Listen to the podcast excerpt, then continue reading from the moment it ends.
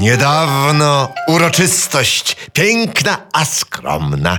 Grała orkiestra górników, tańczyły łowiczanki, były bukiety goździków i wznoszone spontaniczne okrzyki aktywu partyjnej młodzieżówki. To Beata, bycia mydło, jechała do Brukseli zarabiać eurosrebrniki. W wesołej atmosferze na dworcu redaktor zdrada pozwolił sobie nawet na żart. Beata, Zawołał. kaloszy nie zapomniałaś? Kaloszy. Zdziwiła się Beata. Gumiaków. Wyjaśnił mecenas Targowicki. W Brukseli może popadać jak w maju nad Wisłą, a ty w kaloszach jak zwykle zadasz szyku. No i wzięła Beata gumiaki do Brukseli. Z tym, że w Belgii akurat upały i susza.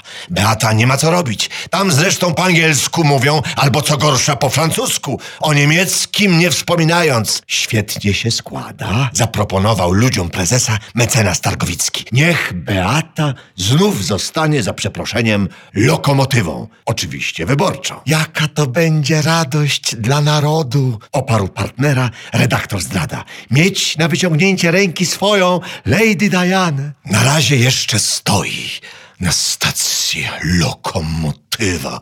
Ciężka, ogromna, pot z niej spływa. To przez te upały.